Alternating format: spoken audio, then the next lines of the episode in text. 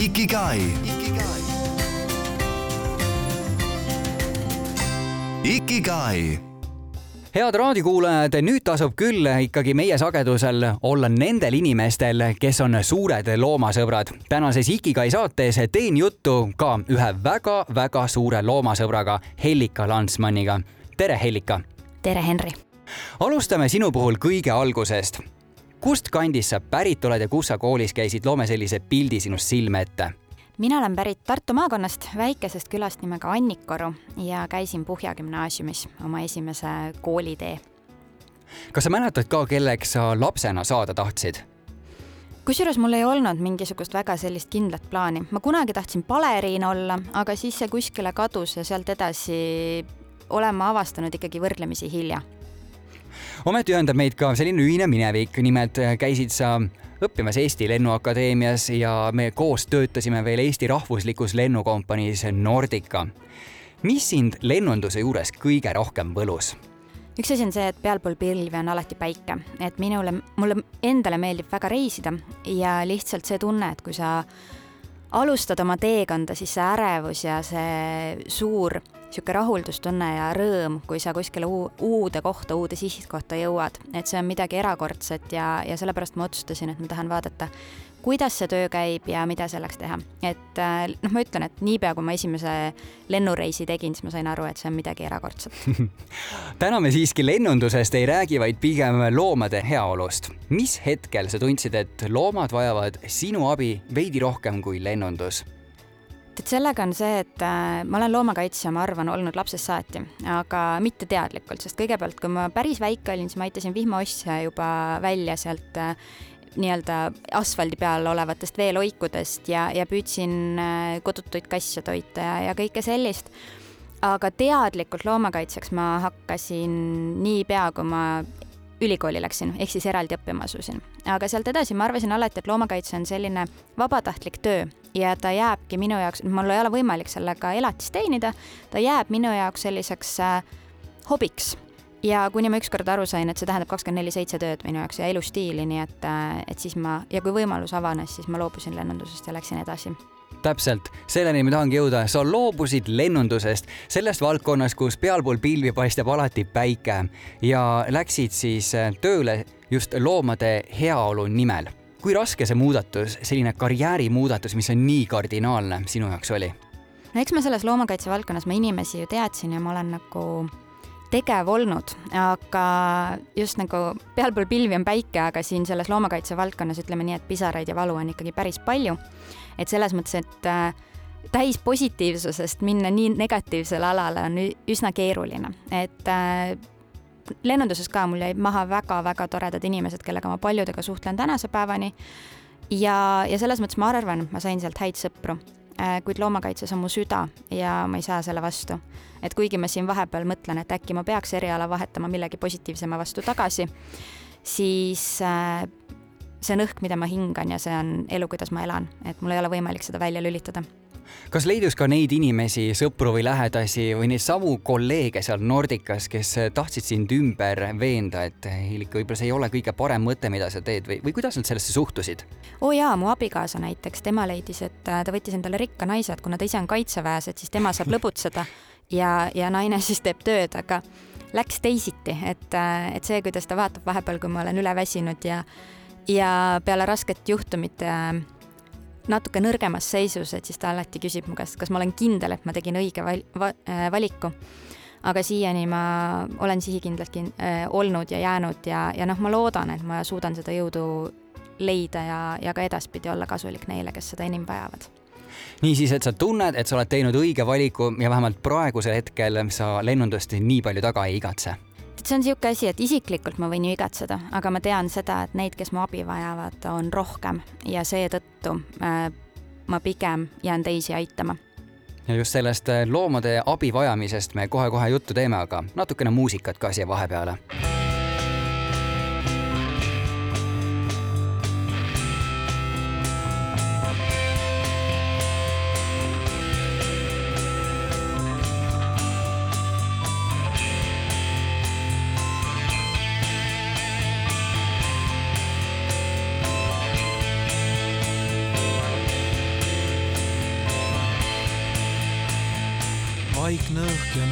kõrged kuused. liivasel alleel, sammaldunud teel, otsin sinu nime igalt ristilt. loodan, et mul leidmata jääb see.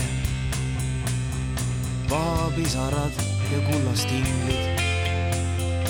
ammu närbunud kuusepärgadel, tuul on põiminud sõlme valged lindid okstevarjud marmorplaatidel. kaugelt kostub viiulite mängu. riisutud on teed hämaral alleel, võõrasemad kasvagu sul sõõrmeist. suudelgu sind sirelite lõhn.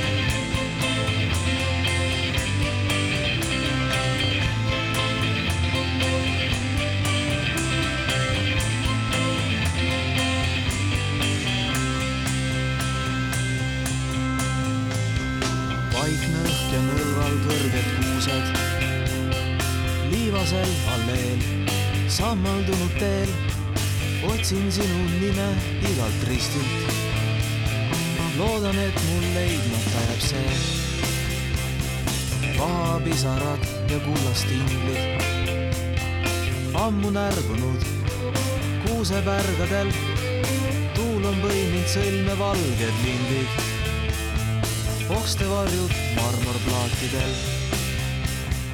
kaugelt kostub viiulite mängu. riisutud on teed hämaral alleel, võõrasemad kasvagu sul sõõrmeist. suudelgu sind sirelite lõhn.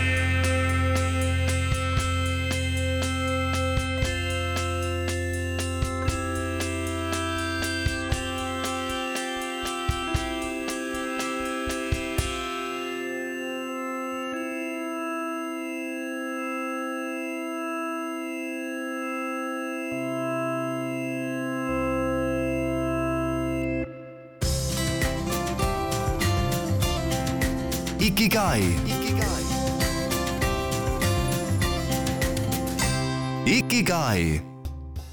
Täna on raadios Elmar Ikigai saates külas Hellika Lansman, üks äh, vaata et minu silmis suurimaid loomasõpru Eestis mõned on veel, aga sina saad kindlasti sellise kohe väga suure tiitli. ühel heal päeval sa otsustasid, et aitab sellest hästi tasustatud kontoritööst Nordica lennufirmas ja suundusid tööle siis Tallinna Keskkonna- ja Kommunaalametisse. millest sa alustasid, mis olid sinu esmased tööülesanded ja kas see algus oli sinu jaoks raske või sa teadsid kohe, mida tuleb tegema hakata?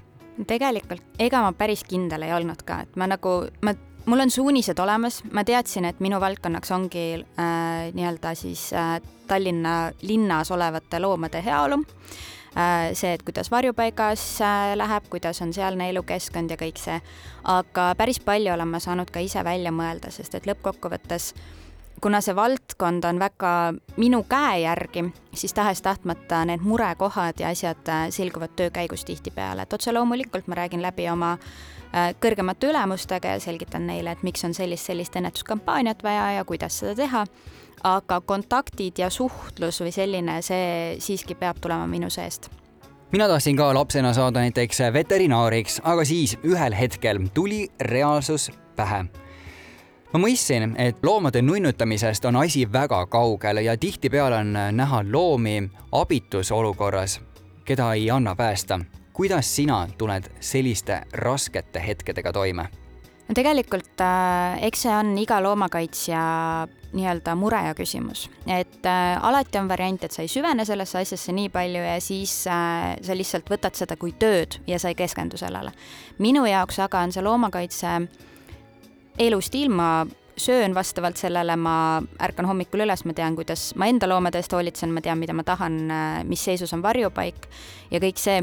ehk siis äh, seda, kuidas nagu sellest nii-öelda ennast kaitsta, ma arvan, et üks suur osa ongi see, et peaks olema mingisugune lisahobi või midagi, kuidas äh, kuidas ennast välja lülitada sellest elust kas või korraks, et ma ise olen seda viga teinud, et äh, ma olen kaks korda läbi põlenud äh, ja ka praegu äh, käin ma psühhoteraapias ja, ja püüan nii-öelda ennast joonele tagasi saada, sest et kui sa kakskümmend neli seitse oled milleski töös, nii nädalavahetused tegelikult kui ka nädala sees on raskeid juhtumeid, siis ennast kontrollida kõige paremini aitavad, nemad näevad kõigepealt, ongi sõbrad ja perekond, kes, kes näevad kõige paremini, kui sul on midagi viga seega mul vist pole mõtet küsida, et kui palju sa mõtled nende abi vajavate loomade peale oma vabal ajal. sa vist teed seda kogu aeg? põhimõtteliselt küll jah, et selles mõttes see on õhk, mida ma hingan, et et sa ei saa välja keerata, ma arvan, seda, seda muret, sellepärast et neid äh, murekohti on tegelikult nii palju. otse loomulikult sa saad vaadata, et ah, et ma kõiki ei suuda aidata ja, ja ma pean keskenduma sellele, et peaks vaatama asja positiivsemalt.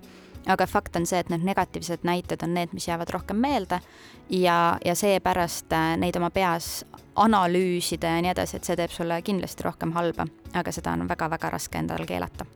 kas sa näed oma tööd unes ka?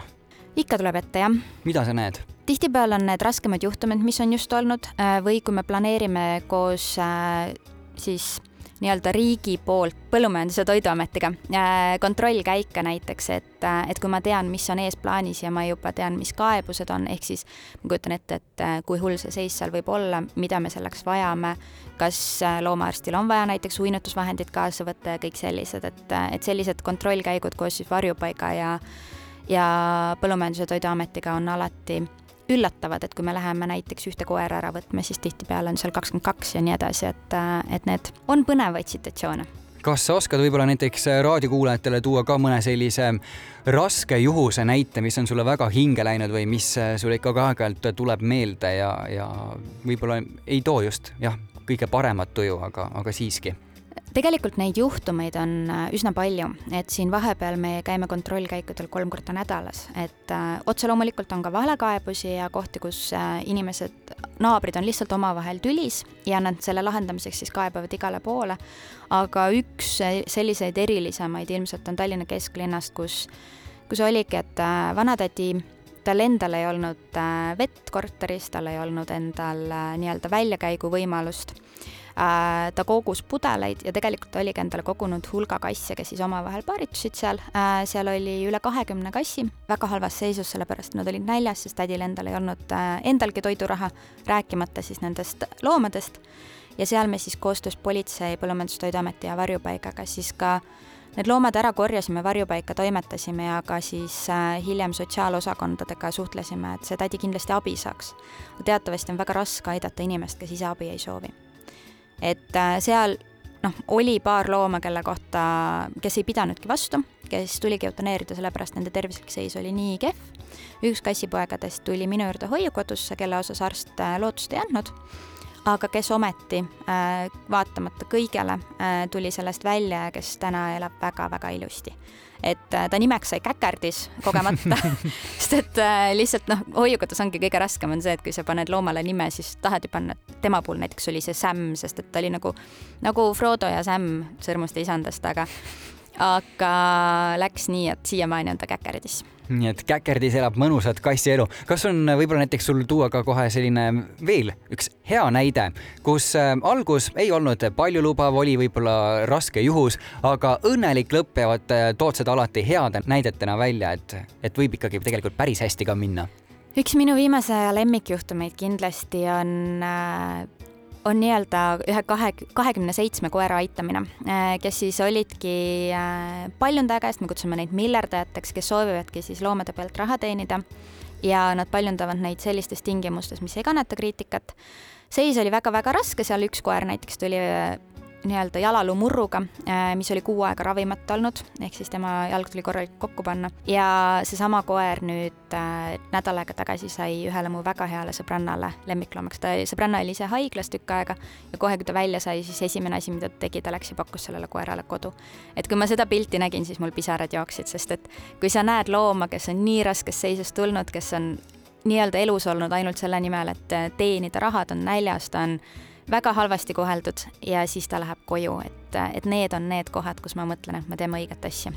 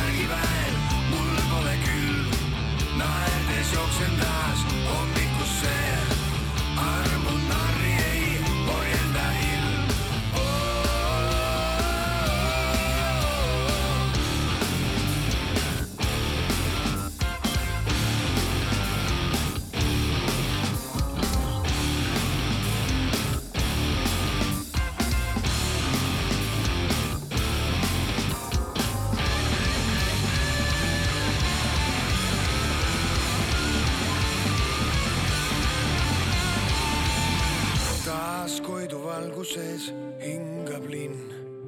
tahaksin emmata maailma. miks alles eile sain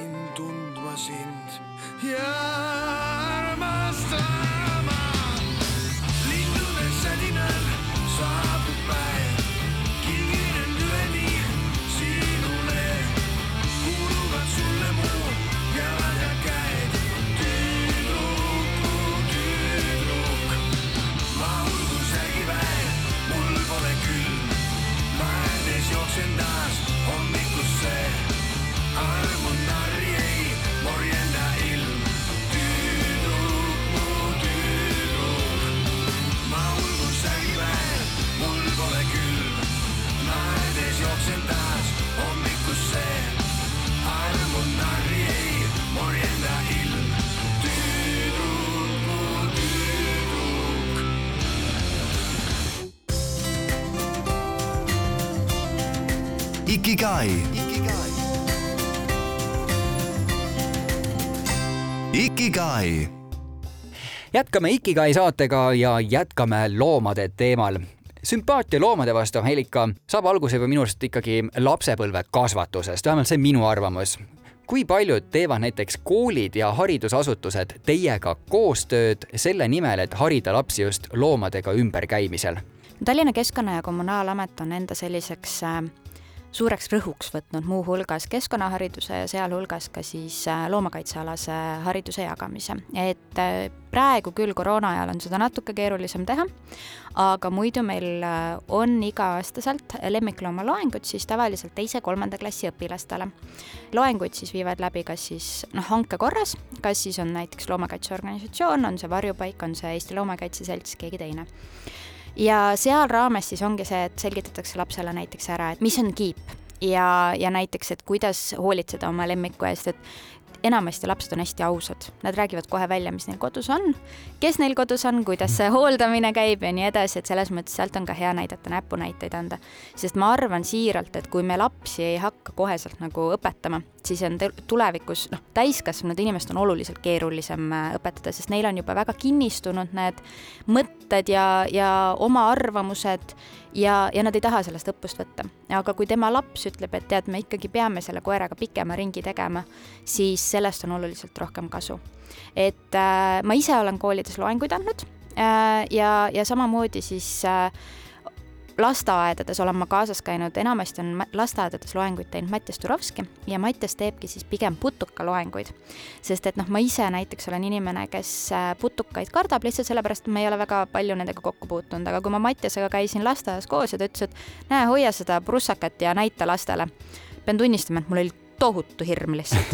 aga kuna imelik oli laste juures kiljuma hakata, siis ma lihtsalt hoidsin naeratust näol ja näitasin aga, aga noh, just nimelt sellised loengud, et loom võib olla erinev, see lemmikloom, teda võib olla, noh, ongi alustades prussakast, lõpetades hobuseni äh, või näiteks seani, et see ei ole, see ei tähenda seda, et me võiksime kedagi halvasti kohelda.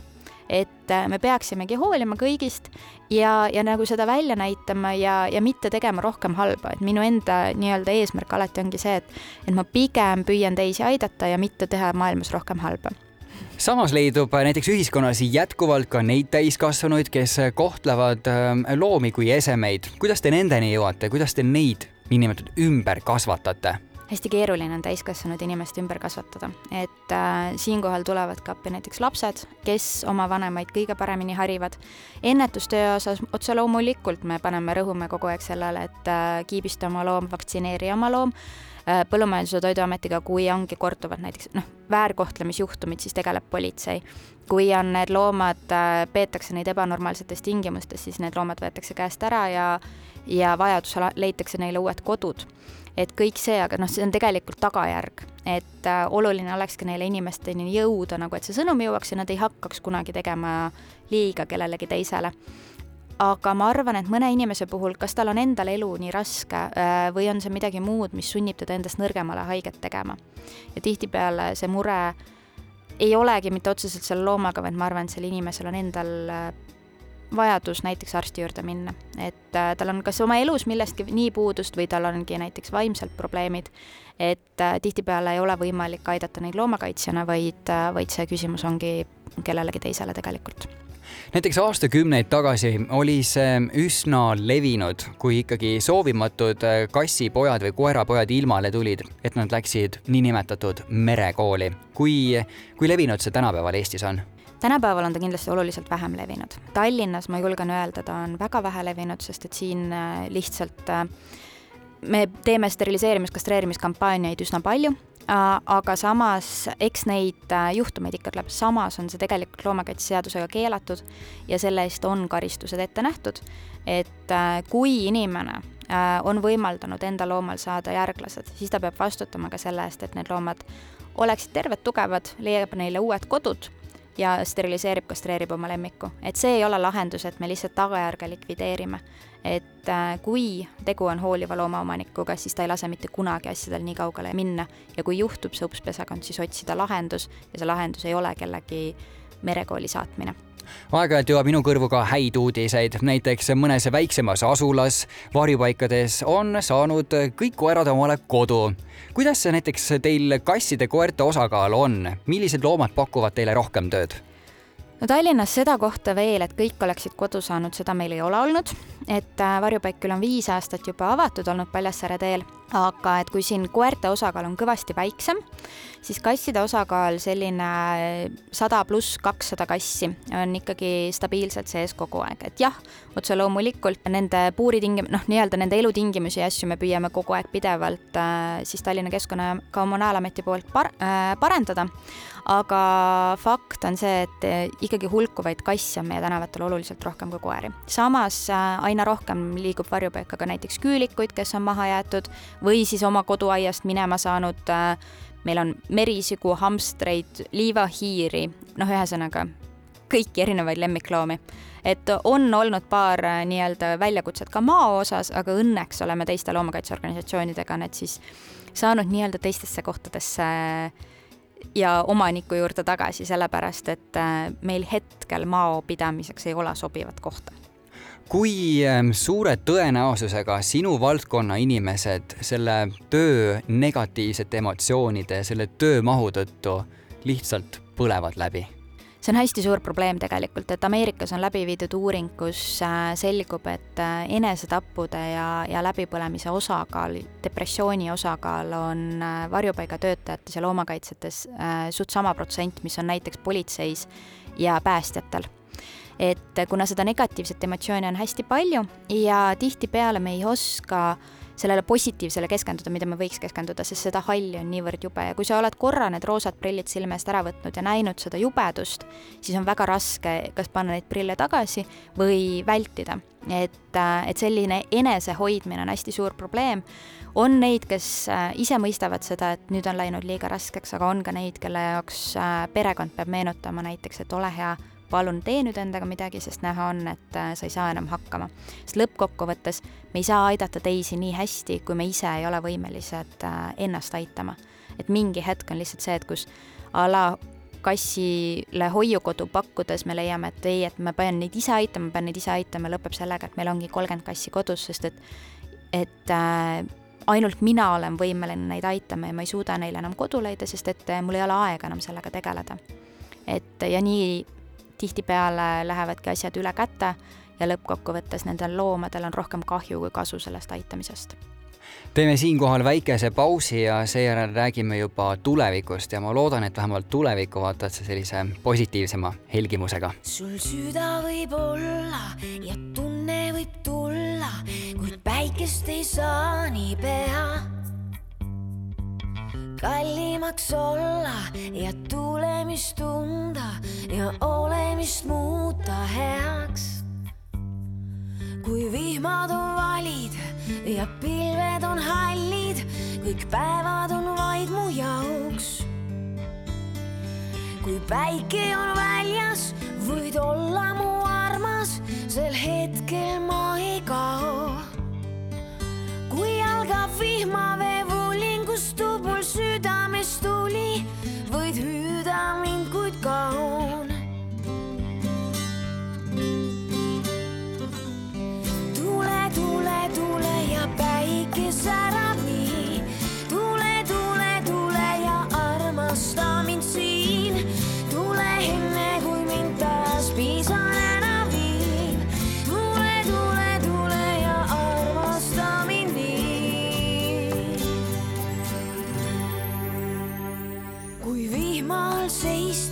su eest veel end peites, sul kannatus viivuks kaob. ja siis usu mind leides, sealt vihmaveest läiges, ka mul viivuks süda taob. kuid hetk möödub kiirelt, vaid päikesekiired on märgiks, et nüüd siis võib ja päikesetiivad meid lendama ja hetkeks on meil kõik. märktuul vaid viivuks meid riivab, taskavad päikesetiivad, jääb vaid pisanatest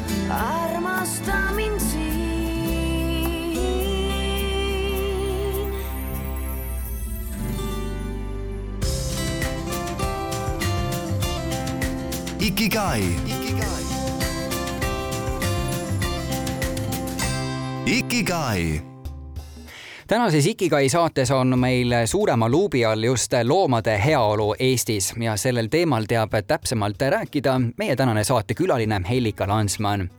kui nüüd vaadata Eesti taasiseseisvunud ajale tagasi ja võib-olla isegi natukene sinna Vene aegagi, siis kuidas on meie ühiskonna teadlikkus ja käitumine just loomade osas muutunud? No loomakaitseseadus oli esimene seadus, mis vastu võeti äh, meie taasiseseisvunud vabariigis. et otse loomulikult see on äh, praegu natukene aegunud ja meil oleks äh, vaja seda muuta, samas see teadlikkuse tõstmine ja see, et kui ma näengi hulkuvat looma, kuhu ma pöörduma pean, see, et ma peaksin oma looma kiibistama, vaktsineerima, see, et steriliseerimine, kastreerimine on oluline, et kui, kui ma näen hulkuvat looma, siis ma ei sõida tast lihtsalt mööda, et ma arvan, et see on tegelikult tõusnud väga tugevalt muidugi see ei tähenda seda, et töö oleks otsa saanud, aga ma arvan, et lootust on, et ükskord on siin maal parem elada, kui ta praegu on oleme siin pikalt rääkinud loomade heaolust või selle puudumisest Eestis, aga kuidas on näiteks lood meie naabritega?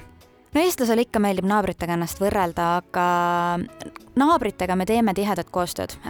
seal on jälle see, et mõned asjad on neil paremad, mõned asjad on meil paremad, et äh, just nimelt näiteks ka varjupaika, kui varjupaik sai ehitatud, siis äh, me käisime Lätis näiteks varjupaika vaatamas ja saime infot äh, ka välisriikidest, et kuidas, mida arvestada, mida paremini teha ja ka tänaseks, et kui mul ei oleks olnud näiteks välismaal konverentsidel võimalust käia, siis ma ei teaks ka nii palju, kui ma tean praegu. ehk siis minu jaoks on oluline see, et me teeksime teiste riikidega koostööd selle nimel, et parendada enda, enda tegevust ja siin olevaid, noh näiteks ongi varjupaiku või siis tea-, teavituskampaaniaid või nii-öelda õppida teistelt, sest miks me peaksime ise kõik vead läbi tegema suvel võeti näiteks Eestis vastu karusloomafarmide keelustamise seadus ja tasapisi ikkagi liigume sinna niinimetatud loomade heaolu ühiskonna suunas. mis sa arvad, kui pikk tee meil veel sinna minna on ja mis peaks veel muutuma? ma tahan loota, et sellist kohta, kus me nüüd mõtleme, et äh, kõik on väga hästi, seda ei tule. ma tahan loota seda, et äh, me siiski pidevalt püüame parendada, et ei jääks seda seisukohta, kus me mõtleme, et või kus poliitikud mõtlevad, et enam ei ole vaja tegeleda, sest et tihtipeale siis tuleb tagasilangus, et liiga mugavaks ei tohi kunagi minna. Ma siiralt arvan ka seda, et äh, koostöö on hästi oluline sõna erinevate loomakaitseorganisatsioonide vahel, nii eestimaiste kui välismaiste vahel. ja samamoodi nii riiklike kui kohalike omavalitsuste vahel, sest et riigi poolt kas või Põllumajandus- ja Toiduamet, kui keegi ei teavita, et looma väärkoheldakse, siis ei ole võimalik midagi ka teha et ükski neist juhtumitest, mida me lahendame, neid ei ole võimalik, seda ei ole, looma ei ole võimalik aidata, kui keegi ei räägi sellest. et tihtipeale on see, et kus me lähemegi, küsimegi naabrite käest, et aga miks te varem ei, infot ei andnud ja vastuseks ongi see, et aga me ei teadnud, et peaks, sest et kunagi oli niimoodi normaalne. aga see, et kunagi oli okei okay looma uputada, ei ole enam tänapäeval et ja sellepärast peabki ühendust võtma ja sellepärast peabki reageerima, sest kui me ise reageerime, siis me teeme maailma paremaks. Kui sa mõtled praegu oma igapäevasele tööle, siis äh, mis pakub sulle kõige suuremat rahulolu? Äh, üks minu nii-öelda lemmikasju aastas võib vist öelda, on loomakaitsekonverents, kus ma saan erinevate oma ala spetsialistidega kokku, kus äh, ma saan uute tulijatega tuttavaks, kuhu mul on näiteks paar aastat tagasi, kui meil esimene konverents oli, siis ma saingi esinejad Ameerikast, kes rääkisid, kuidas nende varjupaik toi-, toimib ja töötab. ja see võimaldab mul endal edasi areneda. ehk siis minu jaoks see arenemise võimalus on hästi oluline ja, ja noh, kui ma, otse loomulikult, kui ma vaatan väiksemas pildis, siis kui mulle taaskord varjupaiga loomaarst saadab äh, mõne eriti nunnu pildi mõnest äh, meie poolt päästetud äh, loomast või, või noh, ongi see, et kui sul on näiteks eelmisel aastal oli minu juures hoiukodus kassipoeg, kelle osas samamoodi jälle lootust ei olnud, sest et keegi oli talle jalaga niivõrd kõvasti kõhtu löönud, et tal oli korralik song ja tema ellujäämistõenäosus oli seal alla kümne protsendi. ja kui tema ära paranes ja läks väga heasse kodusse ja ma sain tal külas käia, siis noh, jällegi, see tõi pisarad silma aga suures plaanis ma näen seda, et meil on vaja muuta seadusi, meil on vaja teha rohkem koostööd ja siis võib-olla ükskord olen ma natuke õnnelikum kuidas saab aga näiteks tavainimene, kes praegu meie vestlust raadio ees pealt kuulab, aidata kaasa nende eesmärkidele jõudmiseni, millest me siin täna rääkinud oleme? Alustama peaks enda loomadest, vaadata üle, et mis seisus meie loomad on, kas nad on, kas nad saavad kvaliteetset toitu, kas nad on vaktsineeritud, steriliseerimine, kastreerimine, kas see on tehtud, et selles mõttes, et ei tasu seda operatsiooni karta, rääkige oma loomaarstiga läbi, ma usun, et see, ta suudab teile selle samamoodi selgitada. Tallinnas on kohustuslik kiibistada kõik kassid ja koerad ja üsna pea jõuame nii kaugele ka, et me laiendame seda nimekirja, et sealt äh, tulevad ka küülikud ja tuhkrud kindlasti mängu ja, ja kui sa näed hulkuvat või hädas olevat looma, ära kõnni mööda, anna teada. või on see näiteks, on tegu tädi Maaliga, kes su naabr, naabrina elab ja sa tunned, et sealt korterist tuleb juba haisu või, või või sa näed, et äh, käib tihe loomadega äritsemine, et siis, siis anna teada. ja teine asi muidugi see ka, et ära osta endale looma kuskilt äh, miljardaja käest, inimese käest, kes lihtsalt teenib nende pealt tulu, need loomad on tihtipeale haiged. et sa küll võid mõelda, et sa päästad selle looma, aga hoopis rohkem sa aitad siis, kui sa teavitad sellisest müüjast ja pigem võtad selle looma näiteks varjupaigast, kus on praegu ka, ma võin teile kinnitada, väga palju kassipoegi, koerapoegi ja täiskasvanud loomi, kes kodu otsivad, sealhulgas küülikuid ja merisigu ja muid tegelasi aitäh sulle, Hellika, nende mõtete eest ja ma usun, et siin päris paljud inimesed äh, said natukene sellist äh, mõtteainet juurde just nende viimaste soovituste osas. ma soovin sulle kõige rohkem jõudu, sest see töö vajab tõesti ikkagi nii füüsilist kui emotsionaalset vastupidamist. aitäh sulle!